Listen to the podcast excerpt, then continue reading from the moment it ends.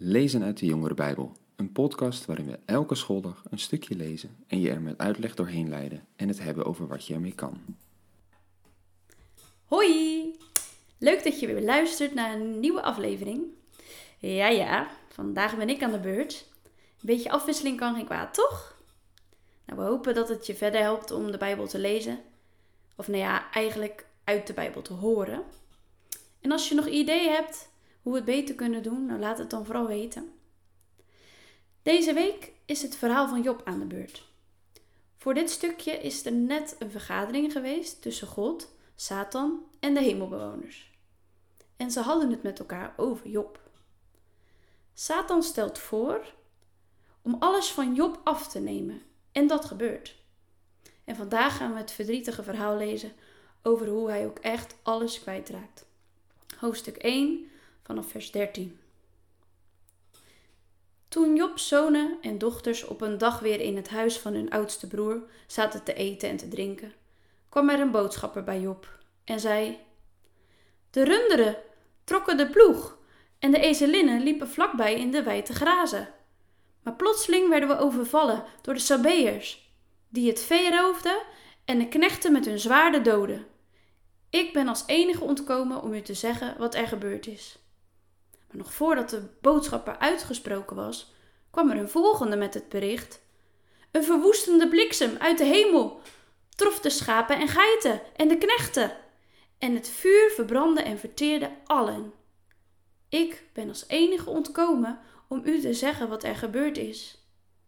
En ook hij was nog niet uitgesproken, of er kwam weer een volgende met het bericht.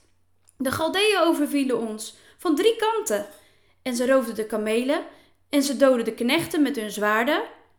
Ik ben als enige ontkomen om u te zeggen wat er gebeurd is. En ook deze boodschapper was nog niet uitgesproken, of er kwam een volgende met het bericht: Uw zonen en uw dochters zaten in het huis van hun oudste broer te eten en wijn te drinken. Maar plotseling werd het huis getroffen door een hevige storm uit de woestijn, zodat de vier muren instortten en uw kinderen onder het puin bedolven werden en de dood vonden. Ik ben als enige ontkomen om u te zeggen wat er gebeurd is. Job raakt echt alles kwijt. Alles wat hij bezat. En zelfs zijn kinderen. Moet je eens bedenken dat dat in onze tijd zou, zou gebeuren. Het huis waar je in woont, de auto, je familie, het geld dat je hebt, je vrienden, je telefoon, alles weg. Dat is toch heftig? Dat is alles wat je nodig hebt om te leven in deze wereld. En dan heb je niets meer. Wat doe je dan? Op de straat leven of bedelen? En als zoiets gebeurt en je raakt alles kwijt, ja, hoe zou je dan reageren? Het zijn moeilijke vragen om eens over na te denken. Hoe zou jij reageren?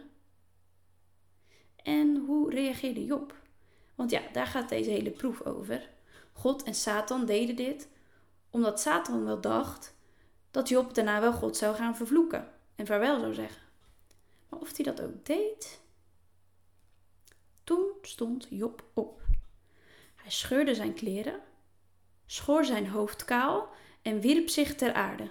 En hij zei: Naakt ben ik uit de schoot van mijn moeder gekomen, naakt zal ik tot de aarde terugkeren. De Heer heeft gegeven, de Heer heeft genomen. De naam van de Heer zij geprezen.